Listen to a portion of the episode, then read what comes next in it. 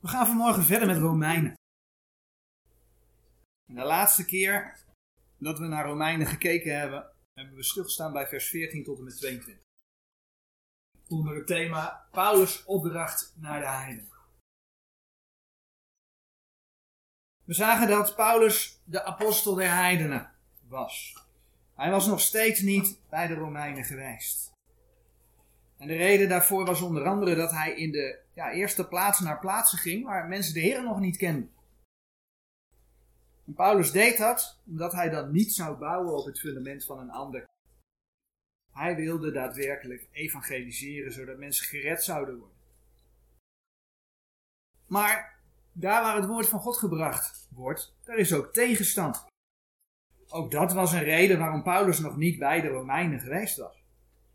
Maar hij schreef de Romeinen, zegt hij vrijmoedig, om ze bepaalde zaken opnieuw indachtig te maken. En dan zegt de schrift, dat hebben we de vorige keer gelezen, opdat de offeranden der heidenen aangenaam worden geheiligd door de Heilige Geest. En je kunt zoveel kennis hebben, maar de navolging in de praktijk laten liggen.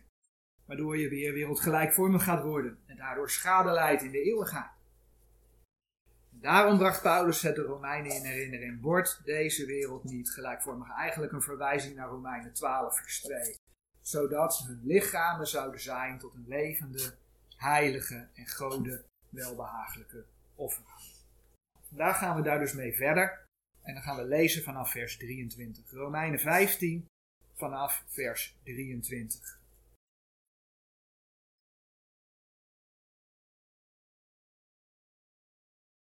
Boven dit stukje staat reisplannen. Maar er zit eigenlijk veel meer in dat stukje. Maar nu geen plaats meer hebbende in deze gewesten. En van over vele jaren groot verlangen hebbende om tot u te komen.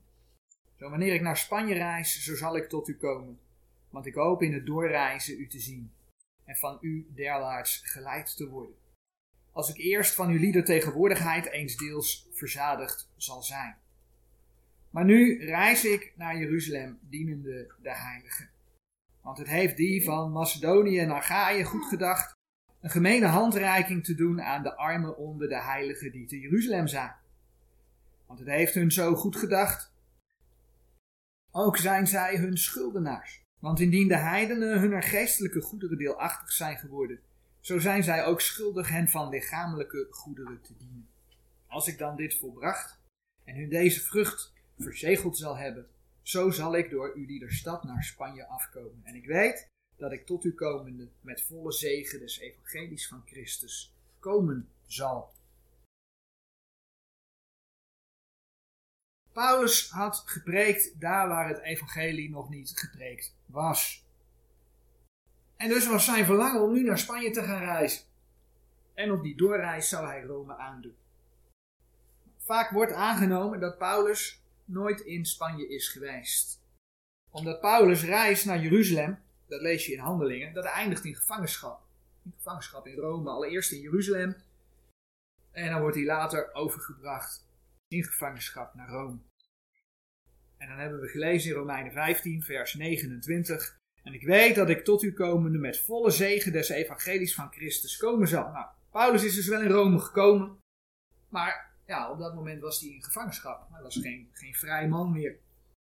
In Handelingen 28, vers 30, als je dat opzoekt, dan zie je daar staan dat Paulus daar twee jaar in huisarrest gezeten heeft.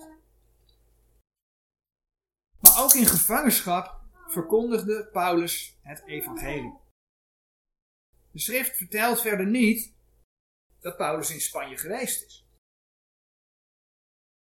Maar het past ons om te zeggen dat we het niet zeker weten. En waarom niet? Omdat de schrift wel andere dingen laat zien. Vaak neemt men aan dat Paulus' gevangenschap in Rome op dat moment ja, het laatste was. Maar dat was niet zo.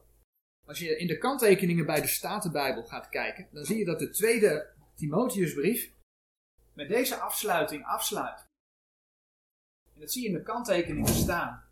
De tweede zendbrief aan Timotheus, die de eerste verkoren opziener van de gemeente der Efezeren was, is geschreven van Rome. Als Paulus de tweede reize voor de keizer Nero gesteld was. En de tweede reize, dat betekent zoals dat hij voor de tweede keer in gevangenschap bij keizer Nero was. De Statenbijbel heeft dat in de kanttekening staan. Ga je dat in de King James opzoeken, de Engelse Reformatiebijbel. Als je dat daarin gaat kijken, dan staat dat gewoon standaard aan het eind van de tweede Timotheusbrief geschreven. En dan moet ik zeggen, de King James Bijbel, de versies die ik daarvan bekeken heb. Het zou maar zo kunnen zijn dat er enkele zijn waar die ja, eindnoot zeg maar niet staat, maar dat weet ik niet. De exemplaren die ik heb, hebben dat gewoon standaard bij de Bijbelteksten bijstaan. Nou, als we dan beseffen dat Handelingen 28 zich afspeelde in 62 na Christus. En dat 2 Timotheus 4, waar dit geschreven staat, ongeveer 67, 68 na Christus was. Dan weet je dus dat Paulus in de tussenliggende zes jaren, als hij twee jaar in gevangenschap in huis vast heeft gezeten, dat hij ergens is vrijgekomen geweest om een tweede keer opnieuw gevangen te worden onder keizer Nero. En ja, daarvan weten we dat hij dus uiteindelijk gedood is. Naar zeggen, want het staat ook niet in de Bijbel, naar zeggen, door onthoofding. In ieder geval is zeker dat hij omgekomen is onder keizer Nero. En dat dat dus later gebeurd is en dat hij intussen tijd vrij is geweest. Wat er intussen tijd gebeurd is, ja, het staat niet in de schrift. Dat is niet bekend. Maar het zou dus heel goed kunnen. En je hoort wat ik zeg, hè? ik zeg niet dat het zo is. Maar het zou dus heel goed kunnen dat Paulus alsnog, want dat waren zijn plannen, alsnog naar Spanje is geweest. Alleen dat weten we dus niet. En dan lezen we in Romeinen 15, vers 25 en 26. Het volgende. Maar nu reis ik naar Jeruzalem dienende de heiligen. Want het heeft die van Macedonië en Achaïe goed gedacht een gemene handreiking te doen aan de armen onder de heiligen die te Jeruzalem zijn. Eerst is het goed om even te kijken naar een gemene handreiking. Wat is dat dan? Want ja, gemene heeft in ons dagelijks taalgebruik natuurlijk niet zo'n positieve betekenis. Een gemene handreiking betekent een zekere mededeling of een zekere bijdrage. Nou, het is de inzameling voor de arme gelovigen in Jeruzalem. En ja, als je de schrift gaat lezen, kom je dat op meerdere plekken tegen. Dat men in die tijd een inzameling ging doen omdat de gelovigen in Jeruzalem arm geworden waren. Nou, een plek waar je dat bijvoorbeeld tegenkomt is 1 Korinthe 16, vers 1 tot en met 3. 1 Korinthe 16. Vers 1 tot en met 3.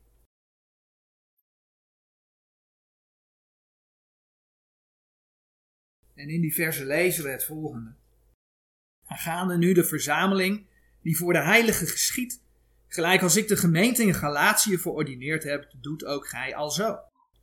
Op elke eerste dag der week leggen en iegelijk van u iets bij zichzelf weg, vergaderende een schat, nadat hij welvaren verkregen heeft, opdat de verzamelingen als dan niet eerst geschieden wanneer ik gekomen zal zijn. En wanneer ik daar zal gekomen zijn, die gij zult bekwaam achten door brief.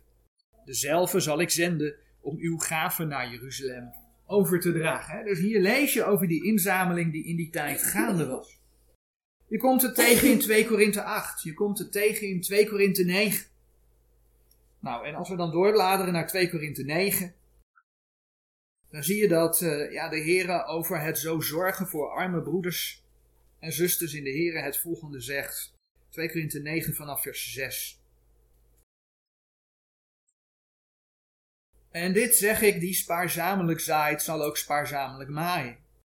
En die in zegeningen zaait, zal ook in zegeningen maaien. En iegelijk doe gelijk hij in zijn hart voorneemt, niet uit droefheid of uit nooddwang, want God heeft een blijmoedige gever lief.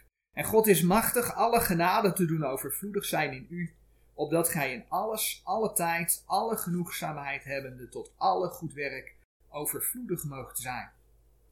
Gelijk geschreven is, hij heeft gestrooid, hij heeft de armen gegeven. Zijn gerechtigheid blijft in der eeuwigheid. Het mooie is dat de schrift dan laat zien dat je daarmee niet alleen ja, mensen in nood helpt, maar je zorgt daardoor er ook voor dat mensen in nood de God gaan danken. Ja, en dat is wat er gebeurt als mensen geholpen worden. Dan zeggen ze, dank u wel, Heer God. Dank u dat u voor mij zorgt. En je ziet ook in de context, dat kun je verder, als je verder gaat lezen, kun je dat lezen. Dat zij dan ook weer voor de mensen gaan bidden die hen geven. En zo ontstaat er dus iets waardoor mensen voor elkaar gaan bidden, God gaan danken. En een vers waar je dat dan leest is 2 Korinthe 9 vers 12. Want de bediening van deze dienst vervult niet alleen het gebrek der heiligen, maar is ook overvloedig door vele dankzeggingen tot God. Dus uiteindelijk krijgt de Heer God daar de eer van. De nood onder broeders en zusters is dus een bijbelse reden hè, om dus ja, in de gemeente een collecte te houden.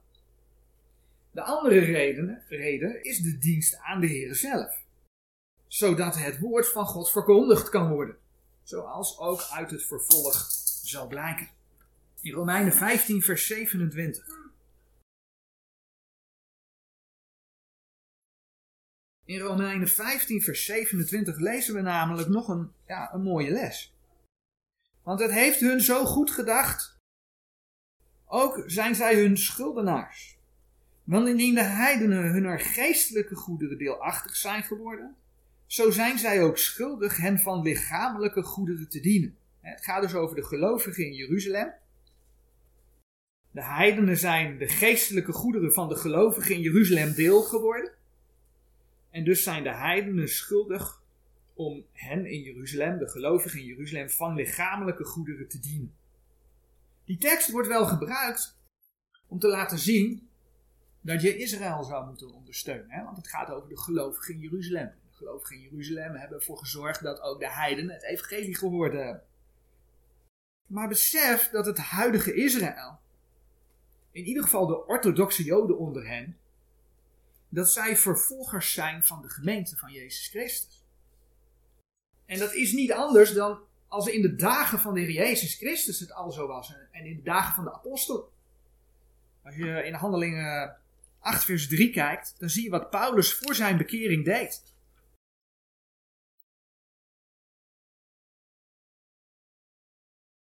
Saulus verwoestte de gemeente, gaande in de huizen en trekkende mannen en vrouwen leverden hen over in de gevangenis. Ja, dus orthodoxe joden verwoesten de gemeente. Dat moet je heel goed realiseren als je, eh, eh, ja, sorry dat ik het zeg, maar het huidige Israël gewoon gaat ondersteunen. want dat gaat ook nog een verbond met de antichrist sluiten. Ik noem maar even wat dingen. Die ondersteuning die we lezen in Romeinen bijvoorbeeld, dat gaat niet zozeer over Israël. Dat gaat niet over de orthodoxe Joden. Denk je dat de gemeente toen giften deed aan de fariseeën om ze maar te laten vervolgen? Nee, absoluut niet. Het gaat om de wederom geboren gelovigen in Jeruzalem. En die werden financieel ondersteund.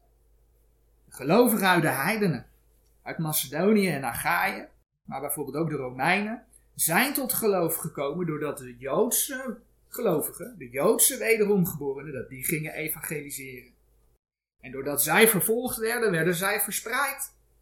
En gingen daar waar zij kwamen het evangelie verkondigen. In Handelingen 8, vers 4 lees je bijvoorbeeld. Zij dan nu die verstrooid waren, gingen het land door en verkondigden het woord. Dus zo werd het woord verspreid. Nou, in eerste instantie was dat ook gericht aan de Joden. Hè? Dat lees je bijvoorbeeld ook in Handelingen 11, vers 19. Maar uiteindelijk bereikte de boodschap van het evangelie dus ook de heidenen.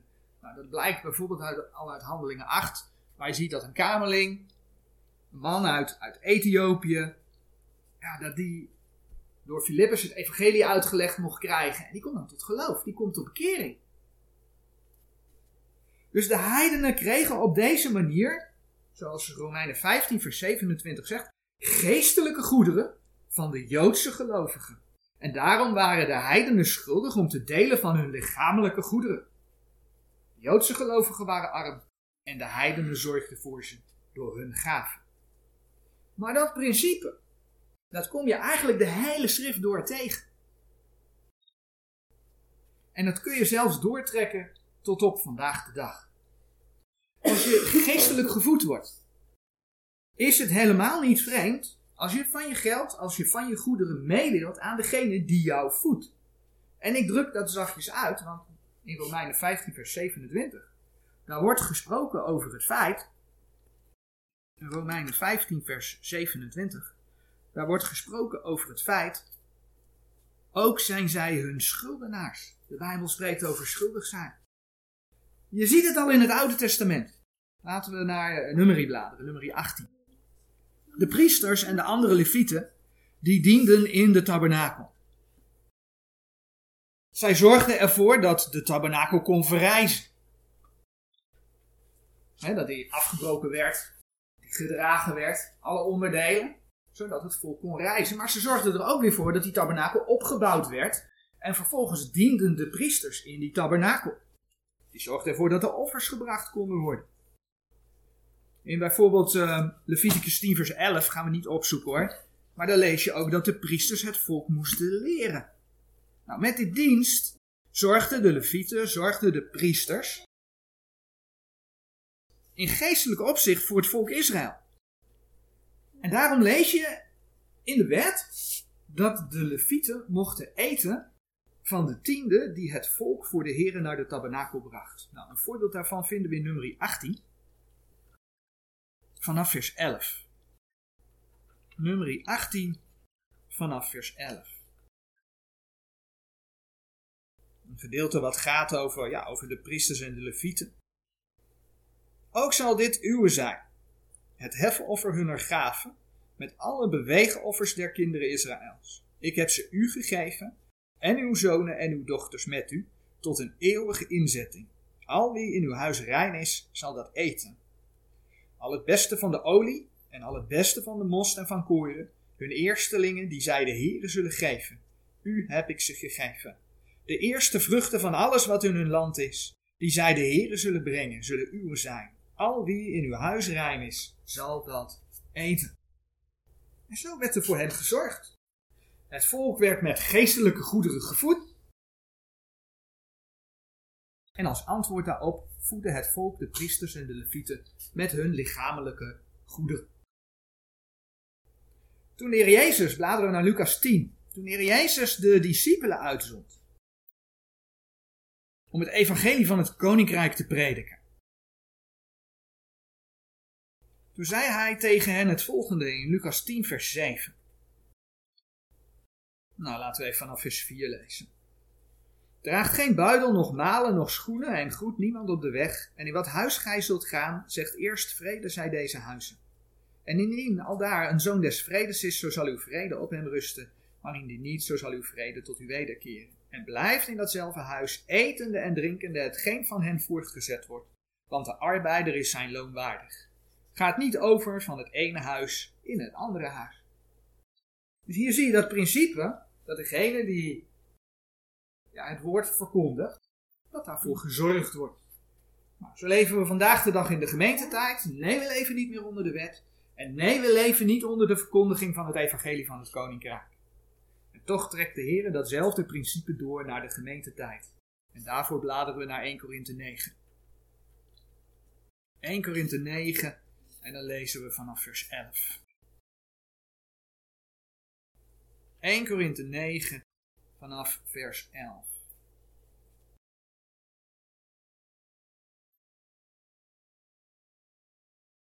Maar dan geschreven staat: Indien wij uw lieden het geestelijke gezaaid hebben, is het een grote zaak zo wij het uwe dat lichamelijk is maaien. Indien anderen deze macht over u deelachtig zijn, waarom niet veel meer wij? Wij hebben deze macht niet gebruikt, maar wij verdragen het alles opdat wij niet enige verhindering geven aan het evangelie van Christus. Weet gij niet dat degenen die de heilige dingen bedienen van het heilige eten? Dit is dus een verwijzing naar de wet van het Oude Testament. En die steeds bij het altaar zijn, met het altaar delen. En vers 14 nog. Alzo heeft ook de Heere geordineerd degenen die het evangelie verkondigen, dat zij van het evangelie leven. Maar de context maakt heel duidelijk dat Paulus er hier bij de Corinthiërs weliswaar geen gebruik van maakte. Paulus deed het niet. Hij zal daar redenen voor gehad hebben om dat niet te doen. Op het moment dat je dat gaat doen, hè, als je geheel afhankelijk daarvan wordt, ben je ook ja, kwetsbaar om mensen te gaan behagen. Dat zit in de mens. Ja, als jouw inkomen bedreigd wordt omdat mensen het niet met je eens zijn. Dus dan ben je, ben je kwetsbaar om mensen te gaan behagen.